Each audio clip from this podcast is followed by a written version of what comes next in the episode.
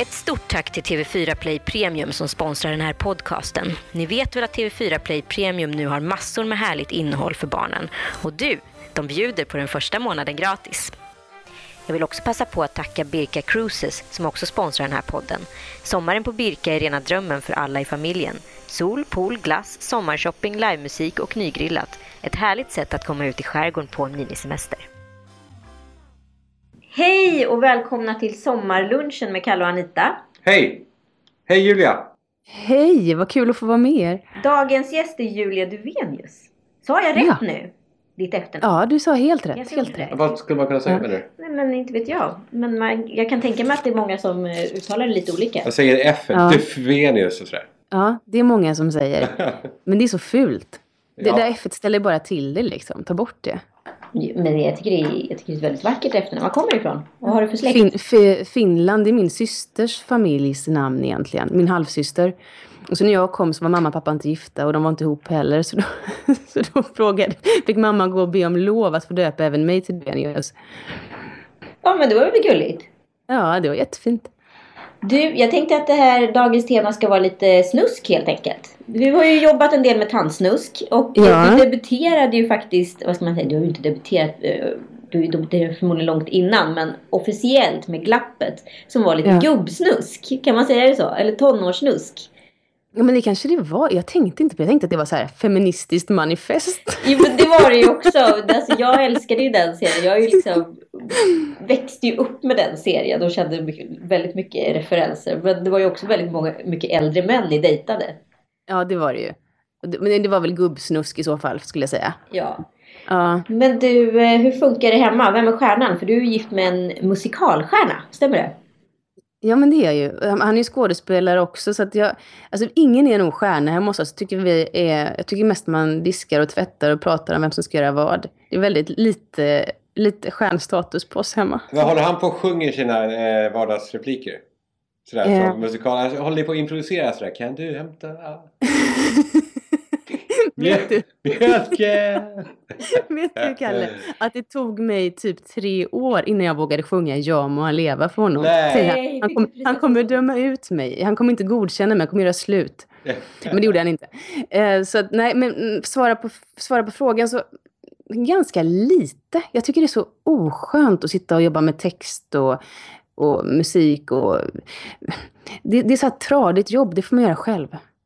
Men, ja, för hur, men hur funkar det liksom för, för en själv så kan man ju lätt ta med jobbet hem och diskutera en idé eller ett koncept Mm. eller Men hur funkar det i en, för ni är ju också i, i samma bransch kan man ju säga men, Mm. men olika vinklar. Diskuterar ni aldrig jobb eller är ni stenhårda på det där? Jo, men det gör, det gör vi absolut. Men mer i stora drag, mer generellt om erfarenheter och sådär. Som att Stoffe gör Dr. Zhivago här nere på Malmöoperan nu. Och det är en sån här typisk närbildsroll. Alltså en roll Vad betyder som... det? Ja, det betyder att som, som Fanny Alexander, huvudrollen där, Mm. eh, som Eva Fröling spelade. Den, den, den, hon säger inte så mycket, hon gör inte så mycket, men det är väldigt mycket bilder på hennes reaktioner. Vi ser pjäsen genom hennes ögon, så att säga. Och problemet med att ha en titelroll som är just en närbildsroll när man är på en stor scen och ska nå ut sista raden till exempel. Sånt, sånt pratar vi ganska mycket om. Och Men det är ju, Hur gör man då då? Ja, hur gör man? Jag, jag, vet, man måste hitta starkare viljor tror jag. När man, ehm, när man står på scen och veta vad man vill med de andra medspelarna. Och vara tydligare i det än någonsin. Man kanske hittar på ibland att man vill saker som egentligen inte finns i manus. Gud, det låter jättekomplicerat. Hur mycket har ni spelat mot varandra? Ehm, en musiksommarteater faktiskt på Viraspelen. Och så har vi gjort en kortfilm och en tv-serie. Vi har jobbat ganska mycket ihop. Vi funkar rätt bra. Är ni som, eh, är ni som Colin och Helena Bergström var? Ehm, nej, nej det är vi inte. Nej. För att vi är ingen, vi är ingen regissör, det är ingen som, som uttryckligen bestämmer. Nej, Nej. precis. Eh, det är nog lite dagsform där också. Det är inte så att han vill se dig gråta i varenda jävla grej du gör? Nej, det vill han inte. Nej. Och, men men det, roliga, det roliga är att, att jag, jag är jättekänslig för kritik. Jag tycker det är vidrigt när han säger du Julia, du kanske borde tänka på det här. Vad, vad fan menar du? Vadå? Medan han vill ha ganska tuff kritik. Funkar det här? Tyckte du att det var bra liksom? Och då är du rädd för att såra eller? Ja, för att själv hade jag börjat gråta och brutit ihop. Men hur funkar det? Alltså det är ju väldigt speciellt för det är ett väldigt utsatt yrke i sådana fall du har valt. Ja, Om du Jag- jag kommer du, du, du kom fram till det väldigt fort Anita, men det har tagit liksom 15 år va? Men du är då alltså, masochist? Säga.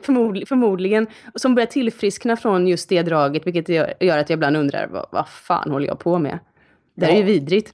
Håller ni, gör ni, läser ni repliker mot varandra hemma? Alltså övar in och sådär? Och... Ja, och där kan jag säga att vår dotter har åkt på det ganska mycket. För att både, jag tycker det är så sjukt tråkigt. Jag tycker det är tråkigt att plugga text själv. Och jag tycker inte det är roligare med honom. Och han, han är mer tålmodig än vad jag är. Han är, han är schysstare. Men återigen, det där är så tråkigt att hålla på med. Det är Nej. verkligen som, som att sortera papper ihop. Det Liksom. är, ni är sko, som, vad heter det? Vad säger man? Skomakarens barn? Eller ja, som kockar som inte Ja. äter gott hemma utan ja. Ja, men lite så. ja. Lite så. Men apropå barn, jag vet att ni träffades tidigt och fick barn väldigt tidigt, vilket var Ja. ganska kontroversiellt i ditt yrkesval. Och då Ja, hade du ganska nyligen debuterat och också eh, skulle jobba med Bergman, har jag förstått. Ja, det var inte klart. Det visste jag inte då. Jag gick ut scenskolan när jag blev gravid. Så jag spelade mina slutproduktioner med, med en stor mage. Och det, det var ju... Det var, det var många som blev väldigt förvånade och undrade hur det där skulle gå. Men då var, det, det gav mig bränsle att visa att... Hur gammal man var du? Jag var 23 när jag blev gravid. 23, förlåt. Mm.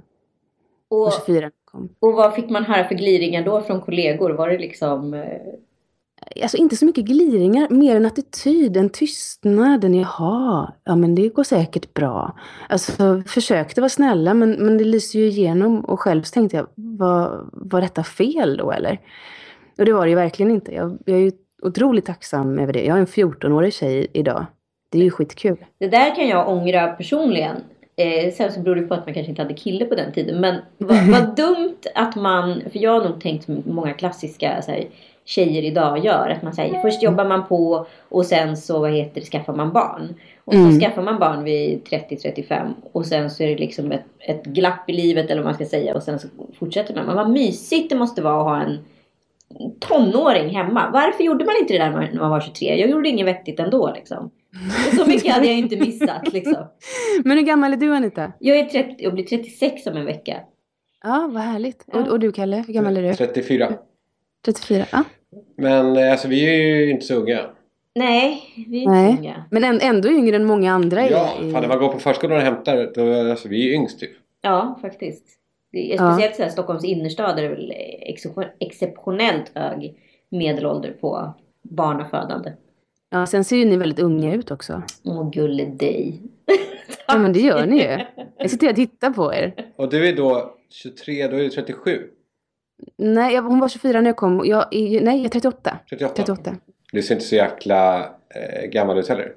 Nej, tack. Nu blir det väldigt mycket lovebombing här, Ja. känner jag. Ja, vi måste, det, det säger Theo alltid, vår producent i vår podcast, att uh, var inte så jävla gulliga mot varandra. Så nu, nu ska vi vara lite bitchigare då. Du ser rätt sliten ut också. Os- Osminkad och Jag vet, jag ja, många års teatersmink där som har Som plötsligt tog slut. lite. Precis. Bara krackelerad och gått in liksom i porerna. Men okej, och det är ju ganska stor sk- åldersskillnad mellan eh, dina barn. Vilket kanske Mm. i efterhand kanske är ganska skönt. Ja, det, det, är ju, det är ju grymt skönt, men jag var så himla nöjd med ett barn. Jag tyckte det var toppen. Och också få ihop med våra scheman och jobba på olika ställen, jobba kväll. Så tänkte jag, det kommer aldrig gå att ha mer än ett barn. Och sen så det här klassiska, när, när Tilde var fem, så tänkte vi, men det här är ju jätteenkelt. Det här är inga problem alls. Och då, då ville framförallt faktiskt Stoffe ha ett barn till. Jag tänkte, ja men det kan jag också tänka mig. Och det ångrar jag ju verkligen inte. Det är ju fantastiskt. Nu är hela familjen på mig och tycker att vi ska ha ett tredje barn. Och nu känner jag så här, nej, nu är jag nöjd. För att nu har jag varit småbarnsförälder skitlänge. Nu är det bra. Och nu börjar våra barn bli så stora båda två så att vi kan åka på en semester till London och sådana saker. Det är helt Gud, fantastiskt. Underbart. Ja. Och jag längtar så mycket till den där tiden. Samtidigt inte, för nu har man precis Nej, fått vet. en liten färsking. Men, men det är några år som det, allting så här lite glappar eller skaver. Och sen så Mm. blir det bra igen känns det. ja, och det är så.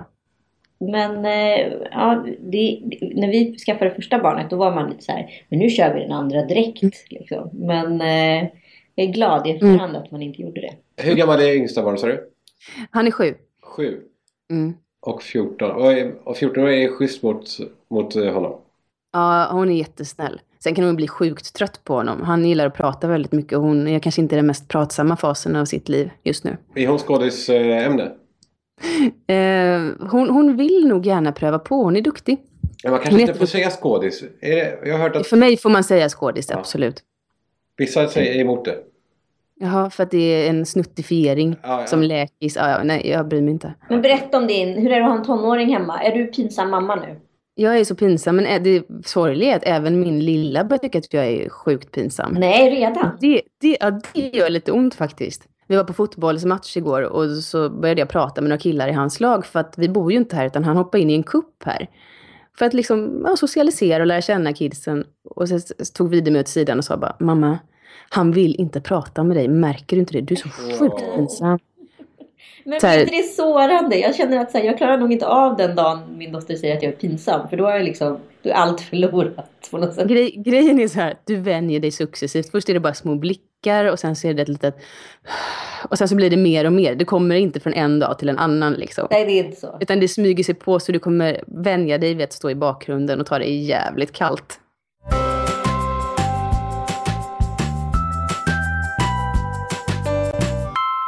Den här podcasten sponsras också av Readly. Med deras smarta app kan du läsa obegränsat bland tusentals tidningar och böcker direkt i surfplattan eller mobilen för bara 99 kronor per månad. I Readly finns något för alla och extra bra som småbarnsmamma tycker jag att de illustrerade barnböckerna är.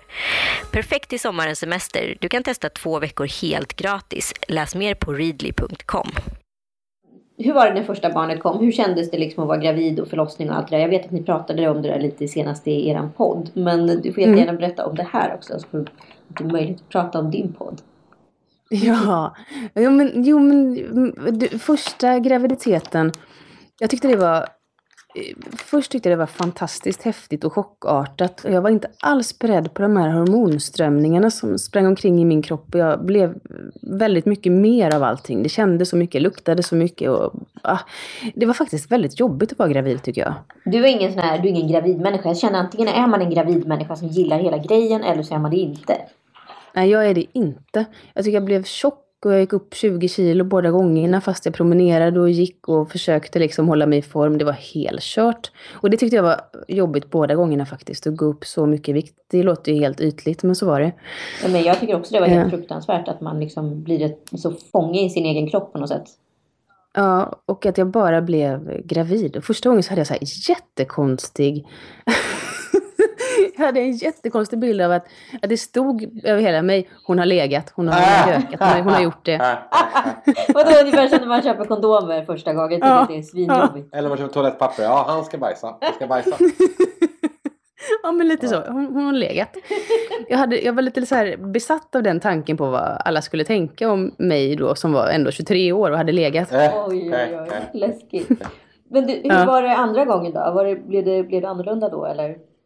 Ja, då var ju den tanken borta. Då var jag ju 30 andra gången och eh, jag var beredd nog mer på vad som skulle hända med mitt psyke faktiskt. Men ändå så var det tufft. Jag, jag var så arg ett tag så att min man var tvungen att ringa en vän, Alexandra Rappaport, och säga kan du prata med Julia? Hon är inte klok. Hon är inte klok. Vad gjorde, ja, vad gjorde du då? Men jag var arg, jag var stingslig, jag grät och mitt liv var över. Jag skulle aldrig mer få någon roll i hela mitt liv. Och hur kunde jag bara tänka tanken på att bli gravid igen? Och jag ångrade mig fast jag... Ja, det får man ju inte säga. Eh, det, kan man inte, det gjorde jag ju verkligen inte sen. Men då, när jag var mitt uppe i det, så var det, det var skitjobbigt.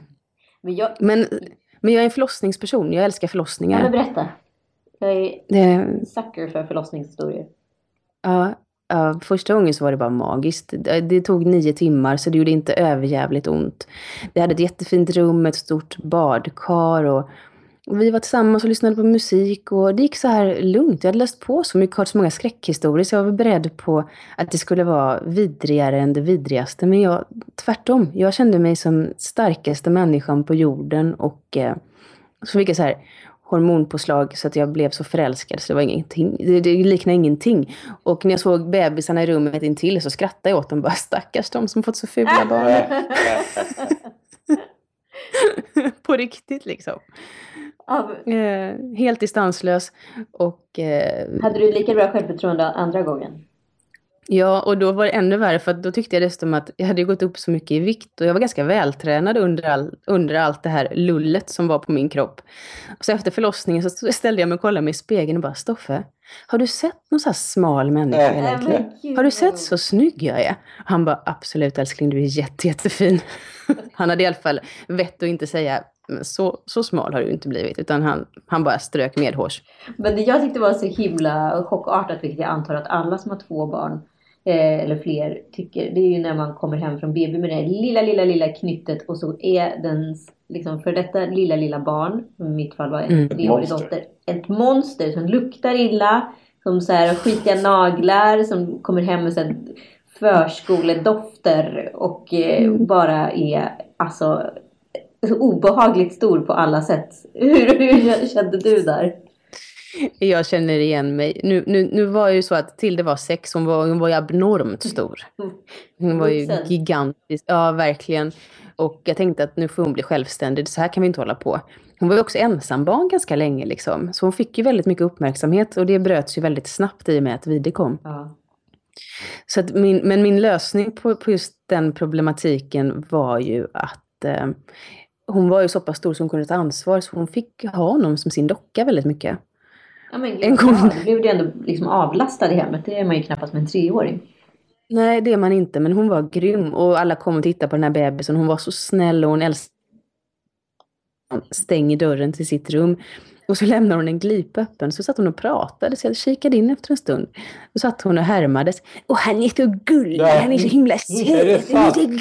Ja, det var så roligt. Efter det skärpte jag faktiskt ihop mig, men då var han kanske en månad eller någonting. Det är ju det här första, den här heliga bubblan med en nyföding, den är ju magisk. Ja, ja man byter ju inte gärna bort den. Jag, jag kommer inte ihåg att bubblan var... Jo, bubblan var ju helt otrolig första gången. Men eh, nu blir det inte lika mycket bubbla. Men däremot så känner jag mm. mig så mycket tryggare i rollen som mamma. Så att det, det är härligare för mig den här gången. Så, ja. Vad hände efter glappet? Jag är ju helt besatt av den här tv-serien. Jag tycker typ att det är bästa som Vad roligt. Bästa som man kan alltså se den här tv-serien på SVT öppna arkiv ifall man inte har gjort det. Och jag tycker den är väldigt aktuell för dagens liksom, kvinnodebatt och så vidare. Så att det är väl värt att se om. Ja, vad roligt. Men fick du mm. massa oanständiga förslag av äldre män efter den här serien? Nej, nästan ingenting. Men min roll i, var ju rätt eh, analytisk och kanske inte den som bjöd in så mycket på det sättet. Nej, just det. Om vi fortsätter i liksom snusk, snuskspåret så, så, mm. så, har du ju liksom hamnat en massa snusk och vidare. Du har läst in eh, 50 nyanser av honom på svenska. Ja. Och ja. sen har du också läst in en klassisk tandsnuskbok, Margit Sandemos Sagan om Isfolket som någon jag vet inte vilken journalist det var som hade skrivit fel och benämnt det Sagan om Musfolket. Ja, det är så roligt. Det är så fruktansvärt roligt. Det var Dagens Industri, någon journalist för dem. Bra. Han hade väl inte... Av mis misstag? Alltså, ja. ja. Gjort hela intervjun Sagan. Musfolket. Sagan om musfolket, ja. Nej, men om man säger 50 shades så var det ju Norstedt som ringde mig. Och då, då sa de, googla på det här, det har blivit rabalder i USA. Och då tänkte jag, men hur farligt kan det vara? Jag visste liksom ingenting om böckerna mer än det jag kunde läsa. Och sen skrev jag på ett kontrakt för de här tre böckerna och så började jag läsa och tänkte, åh herre jävlar, det här går inte. Men sen kom jag igenom det och så tänkte jag, det här är ju precis vad som behövs. Det är, en, det är erotik för kvinnor utan att bli porr. Det finns inget objekt i böckerna, vilket gör att det blir känslan av att vara tänd, känslan av att vara kär. Det, det, och, och det tycker jag behövs. Det här är liksom motreaktionen på en ganska så här, liksom, genusnormens eh, framfart. När allt ska vara på lika mm. villkor och så helt plötsligt blomstrar liksom tantsnusket. Ja, sen så kan man ju säga det med både, både 50 Shades och Isfolket. De har ju extremt starka kvinnliga karaktärer som, som eh, 50 nyanser. Hon, hon gör ju det som nästan ingen gör. Hon säger att det här ställer jag inte upp på med sin livs kärlek och gör det slut liksom. Mm.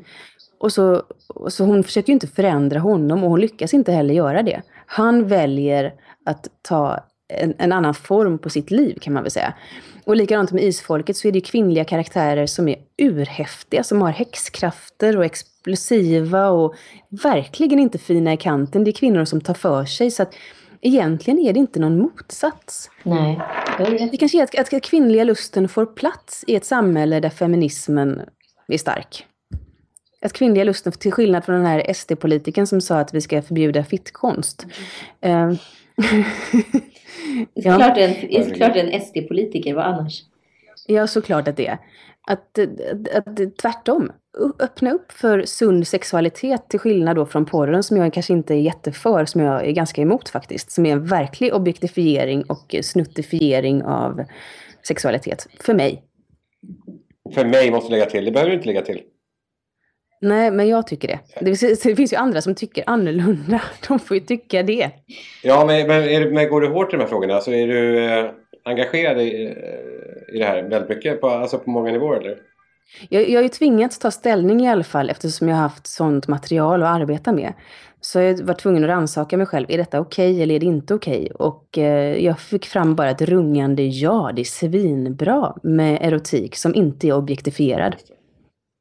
Och det fanns en scen, eller ett kapitel i 50 Shades på, de här tre böckerna var 1800 sidor. Ett kapitel där han ser på henne med, som, som ett objekt. Och det blev jävligt oskönt. Men det var det enda som skavde i, i erotiktemat liksom. Men du måste berätta mm. mer om podd. Ja.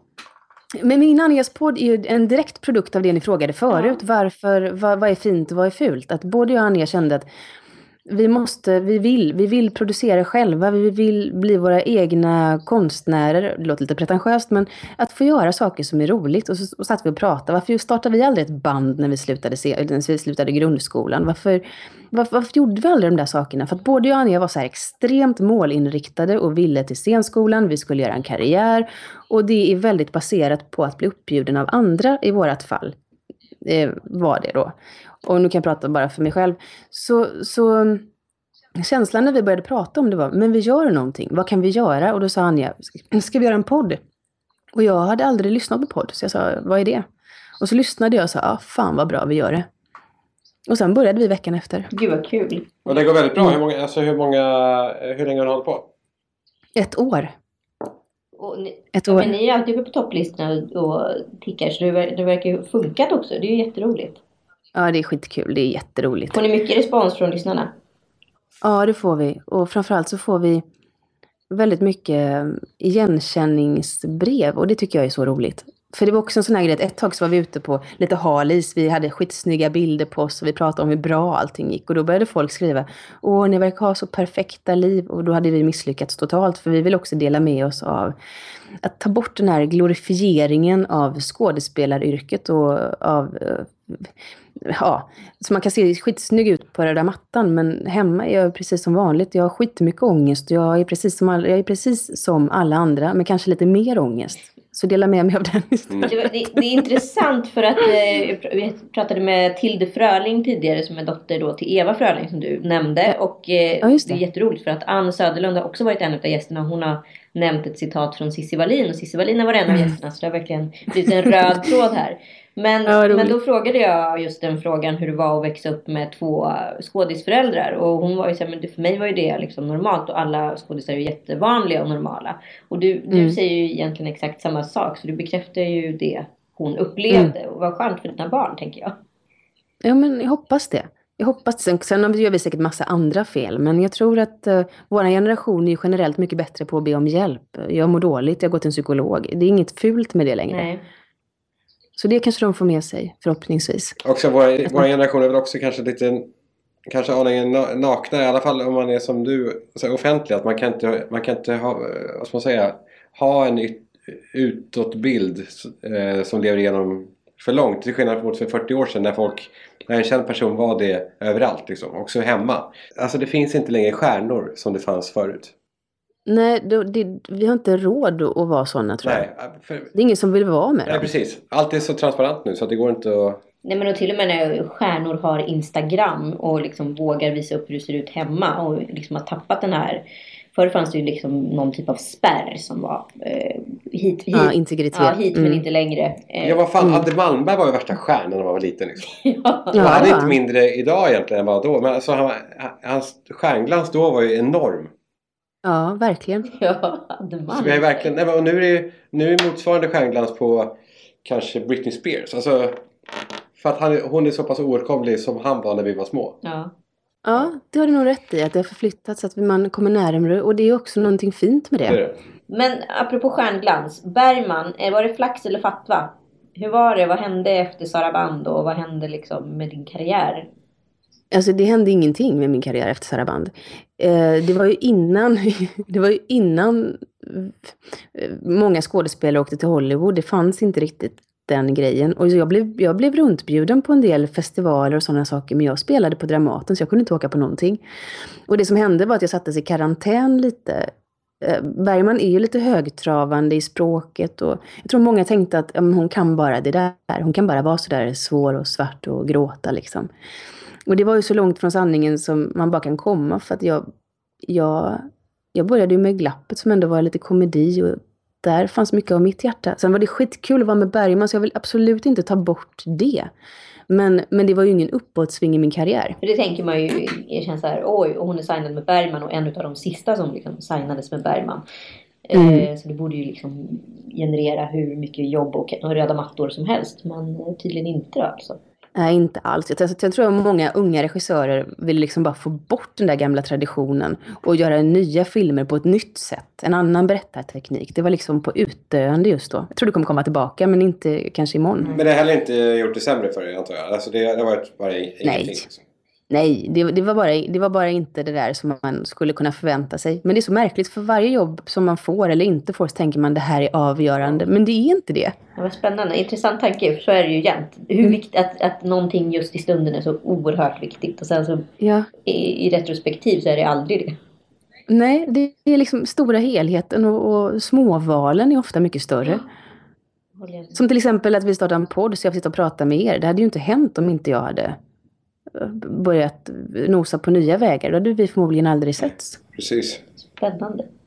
Ja, tycker det är jag var roligt. fint avslut. Vi ska veta ta sex snabba frågor och du har ingen betänketid alls utan det är bara liksom fy top fan. of mind som det heter.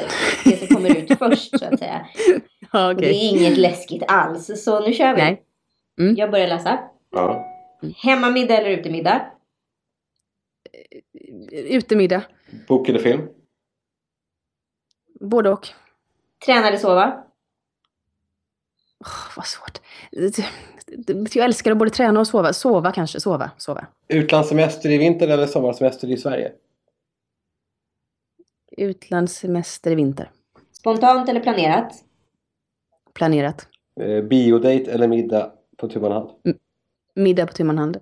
Tack så jättemycket Julia Duvenius. Tack själva. Vad kul det var att prata med er. Superroligt Julia! Fan vad du verkar sympatisk och sund.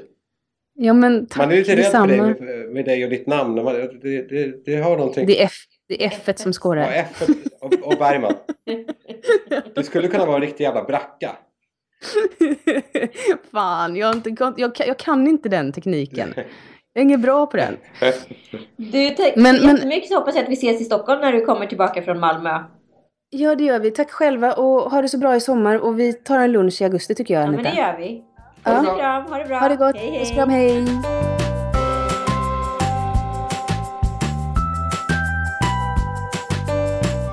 Ett stort tack till TV4 Play Premium som sponsrar den här podcasten. Ni vet väl att TV4 Play Premium nu har massor med härligt innehåll för barnen. Och du, de bjuder på den första månaden gratis. Jag vill också passa på att tacka Birka Cruises som också sponsrar den här podden.